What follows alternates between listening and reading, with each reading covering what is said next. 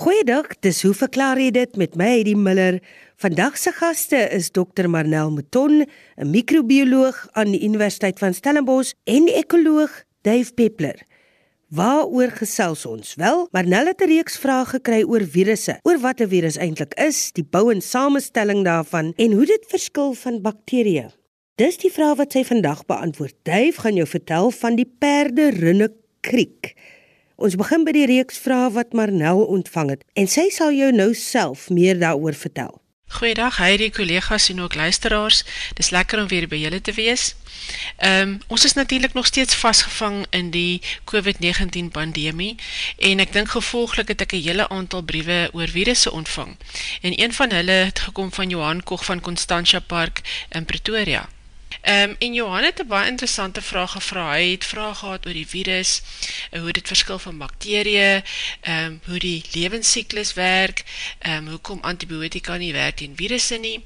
Maar hy het ook gesê dat wanneer hy praat met sy vriende, dit blyk dat nie een van ons presies weet wat 'n virus is nie. En ek dink Johan, ehm um, wat jy nou hier sê laat my dink aan wanneer ek uitgaan.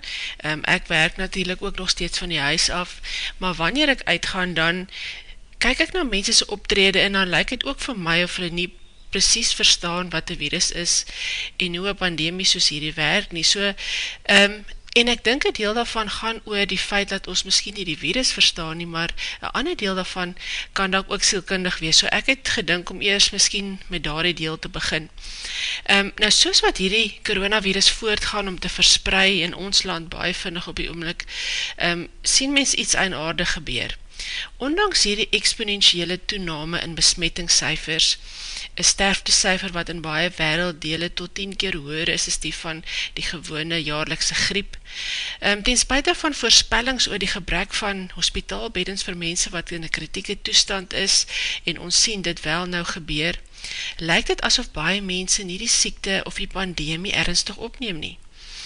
Nou in 'n onlangse peiling is bevind dat Net 56% van Amerikaners coronavirus as een werklike bedreiging beskou. En wat bekommerenswaardig is, is dat dit, dat dit 10% laar is as die maand van tevore. Nou bekende radioprogram Gasere het hierdie tendens toegeskryf of eindelijk die media blameer daarvoor en vooral die verspreiding van vals nies en ek dink daar is definitief ook een aspek hiervan wat waar is. Maar volgens die publikasie in Psychology Today staan hierdie gedrag of verskynsel bekend as optimistische vooroordeel of onrealistische optimisme. Ons is met ander woorde bevooroordeeld om te sien wat ons graag wil sien. En navorsing het bevind dat mense stelselmatig hulle risiko um, tot een bedreiging, in hierdie geval infectie, onderskat. Nou die donkerkant van hierdie onrealistische optimisme is dat dit daartoe kan leid dat mense al hoe minder voorzorgmaatregels begin tref.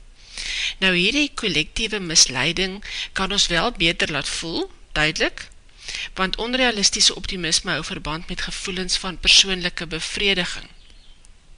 Nou, daar is enkele faktore wat ons waarschijnlijkheid verhoog om aan hierdie onrealistische optimisme deel te neem. Nummer 1 is, wanneer ons min persoonlijke ervaring van die risiko het, en miskien, soos wat jy gesê het, nie verstaan wat hierdie virus is nie, en wanneer ons onder die indruk is, dat ons die bedreiging met ons optrede kan beheer. Nou, in hierdie geval kan ons dit eindelijk wel tot een groot mate doen maar dit beteken dat ons meer geneig sal wees om die risiko ees ernstig op te neem wanneer het ons persoonlijke levens begin affecteer en wanneer miskien iemand nabij aan ons baie siek word en op daar stadium kan dit potentieel dalk te laat wees. Nou Johan, evolutionaire bioloog het virusse nog altyd as een uitdaging beskou en ons redeneer al dekades oor die oorsprong daarvan. Nou na die ontdekking van reese virusse in 2003 is daar nou basis twee denkrichtings onder bioloog.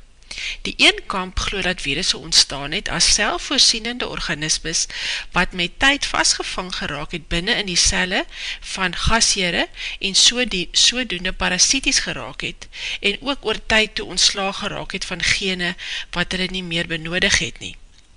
Die tweede groep bioloog is van mening dat virusse partikels is wat genetische materiaal vastlee of basis steel by hulle gasheerorganismes en dat hierdie proces ook oor honderde tot miljoene jare gebeur het. Nou na hierdie ontdekking het sommige biologe een theorie ontwikkel dat virusse miskien na by die oorsprong van die evolutionaire boom van lewe hier op aarde le en voorgestel dat virusse miskien een vierde domein kan verteenwoordig. Nou die meeste bioloog stem nie rarig hiermee saam nie, um, want ons op die oomlik klassificeer ons alle lewe op aarde in een van drie domeine. Die domein van die bakterie, die domein van die argaie en dan die derde domein is die domein van die eukaryotiese organismes en dit sluit natuurlijk plante, dierde, fungie en protiste soos bijvoorbeeld amoebas in.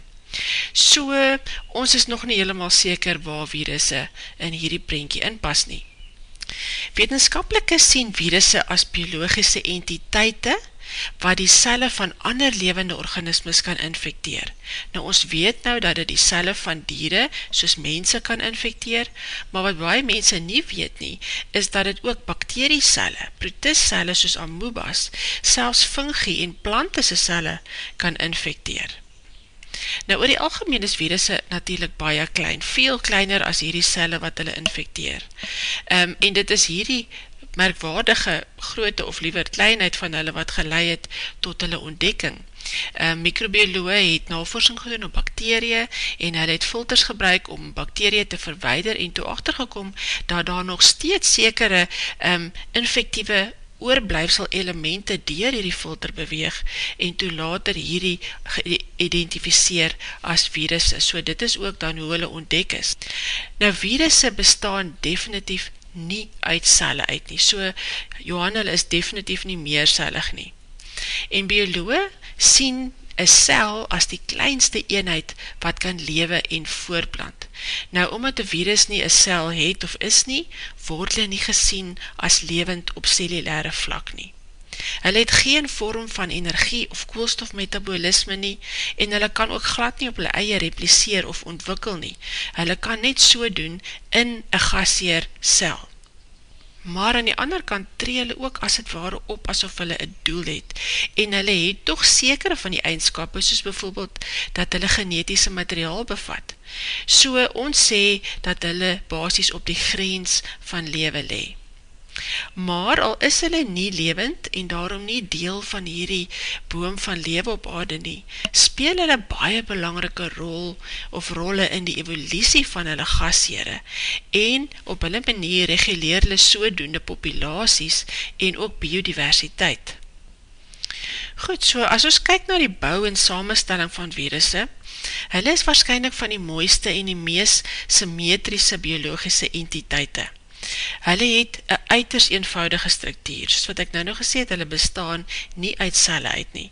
Hulle bestaan slechts uit genetische materiaal, en dit kan dan nou RNS of DNS wees, en dan hierdie genetische materiaal word omhul dier een proteinskede, bekend as een kapsiet. Sommige virusse kan ook een membraan en besit aan die buitenkant van hierdie proteinskede, en dit kry hulle gewoonlik by hulle gasheer, wanneer hulle die cel verlaat. Mens kry baie eenvoudige virusse wat maar net een paar gene bevat en dan kry ons ook komplekse virusse wat selfs 100 gene of meer bevat. So Johan het gevra hoe verskil virusse van bakterie. Nou Johan structureer is hulle net totaal verskillend van bakterie. Ons het nou nou gesê um, dat hulle nie celle is nie en dat hulle net kan leef en reproduceer binnen een ander gasheersel en verder moet hulle hulle eie genetiese materiaal in die genoom van die gasheersel basis invoeg om dit te laat reproduceer. Nou bakterie daarin teen bestaan natuurlijk uit celle, prokaryotiese celle. Nou bakterie het unieke celwande bijvoorbeeld, um, een van die hoof bestanddele daarvan is peptidoglykaan en dit is een combinatie van koolhydrate en proteïne. Hulle besit verder ook ribosome en dit is een type van een proteinfabriek. Dit verskil een bykie ook van die van ons ribosome. Nou virusse besit geen een van die structure wat ek nou net genoem het nie. Met ander woorde, hulle is structureel heeltemaal verskillend. So antibiotika teiken die groei en die cellulaire structure en machinerie van bakterie en dit is hoe hulle bakterie kan doodmaak of inhibeer. Met ander woorde, antibiotika kan nie virusse doodmaak nie omdat hulle eenvoudig nie hierdie strukture of hierdie cellulêre masjinerie bevat nie wat dan nou deur antibiotika geteken word nie. Ons kan wel um, virusse behandel met antivirale middels en enstowwe wat spesifiek gemaak word teen hierdie hierdie virusse. So enstof sal dan nou jou liggaam se eie immuunstelsel stimuleer om antiliggame te produseer om dan nou so 'n virus te herken en te inaktiveer voordat dit jou kan siek maak. Die beste is dus om virusinfeksies te voorkom deur middel van 'n enstof soos wat ons nou oor tyd reg gekry het met byvoorbeeld polio of waterpokkies of selfs die jaarlikse griepinspuiting. Nou alle virusse, insluitend die nuwe koronavirus ondergaan mutasies. Met ander woorde, hierdie is klein veranderinge in hulle genetiese materiaal. Nou die term mutasie kan mense se verbeelding maklik aangryp en dan beelde van hierdie reuse monsters optower. Maar in realiteit is dit 'n normale deel van 'n virus se lewensiklus en dit is nie noodwendig katastrofies soos wat ons nou met hierdie ehm um, koronavirus sien nie. RNA-virusse, soos hierdie SARS-CoV-2 virus, uh, muteer konstant en hulle het nie mechanismes om hierdie mutasies recht te stel soos wat ons selle het nie. Gelukkig het die meeste van hierdie mutasies negatieve gevolge vir die virus en raak daarom typies geëlimineer dier middel van natuurlijke seleksie. Maar somtijds, soos wat ons nou sien, is daar voordelige mutasies vir die virus en dan raak die deel van die virus sy genoom. So wat beteken hierdie nou vir ontwikkeling van een eendstof? Amal is bezig om te probeer om een eendstof vir hierdie nieuwe coronavirus te ontwikkel. Indien dit wel beskikbaar sal raak, kan die virus miskien aanpas, muteer, soos wat ek nou net verduidelik het, en dan sou dit nie baie lang um, effectief kon wees nie. Die goeie nies is dat daar wel ander RNS virusse is wat wel um, nie weerstandig geraak het nie en waarom hulle enstoffe soos bijvoorbeeld in die geval van mazels, pampoinkies en geelkoos nog steeds effectief is. So in die geval van die coronavirus hoop ons op hierdie tweede scenario. Johan, ek hoop dat hierdie praatje bykie lig gewerp het op die onderwerp van wat een virus is en dan ten slotte, ek dink dat het baie belangrik is dat ons positief bly in die tyd soos hierdie. Maar terselfde tyd moet ons ook waak teen hierdie tendens van onrealistische optimisme. Um, hierdie virus is een ernstige bedreiging vir individue, maar ook meer so vir ons gemeenskappe en ons populatie en natuurlijk ons gezondheidsstelsel. So dit is belangrik om die ernst van hierdie situasie te bly besef en daarom aan te hou met voorzorgmaatregels te tref wat ons veronderstel is om te doen. Dankie. Dankie aan Marnel Mouton. Ek herinner jou net daaraan dat jy die program kan geaflaai op ons webtuiste by rsg.co.za. Klik daar op potgooi en soek onder hoe verklaar jy dit. Al die programme sal jy daar vind. Dave Peppler sit reg om jou meer te vertel oor 'n brief wat hy ontvang het oor die perde Runne Kriek. Hy vertel jouself die storie. Ek groet vir Heidi, my kollegas en die luisteraars uit my studeerkamer in Stellenbosch spertyd soos gewoonlik en ek wil vandag twee korter vrae probeer beantwoord. Ons is so geneig om die lang vrae um eers uit te kies en dan dam die korter vrae op. En 'n epos van Jassie van Rensburg van Danielskuil kom met hierdie wonderlike pragtige storie. Ek sou graag wou weet wat jou span van die Perderinnik Kriek weet. Dit kom ongeveer Februarie maand hier by ons in Danielskuil in die Noord-Kaap te voorskyn. Wat ek weet is dat hy nie soos 'n kriek skree nie, maar 'n sis geluid maak as jy hom terg en dat hy nie dom is nie, want ek het een aand buite vleis gebraai, toe kom een agter die reuk aan en ek het hom 'n stukkie gaar boerewors gegee wat hy opgevreet het en hy het agter my aangeloop toe ek die huis ingaan tot groot ontsteltenis van die huismense. Ek kan dit glo want Jassie het 'n foto bygesit van hierdie afskuwelike dier wat natuurlik vir my op die eerste oogopslag na 'n koringkriek gelyk het. Nou, wanneer dit by so 'n vraag kom wat buite my vakgebied is, ons weet dit is die vakgebied van professor Henk Geertsema, maar ek gryp natuurlik altyd na my boekrak. Ek is geneig om boeke eers te kyk voor ek op die internet gaan. Nou ja, eerste wat ek gegryp het was my etimologie woordeboek van die Afrikaanse taal. of van Afrikaans. Nie 'n enkele verwysing na perde rinnik nie.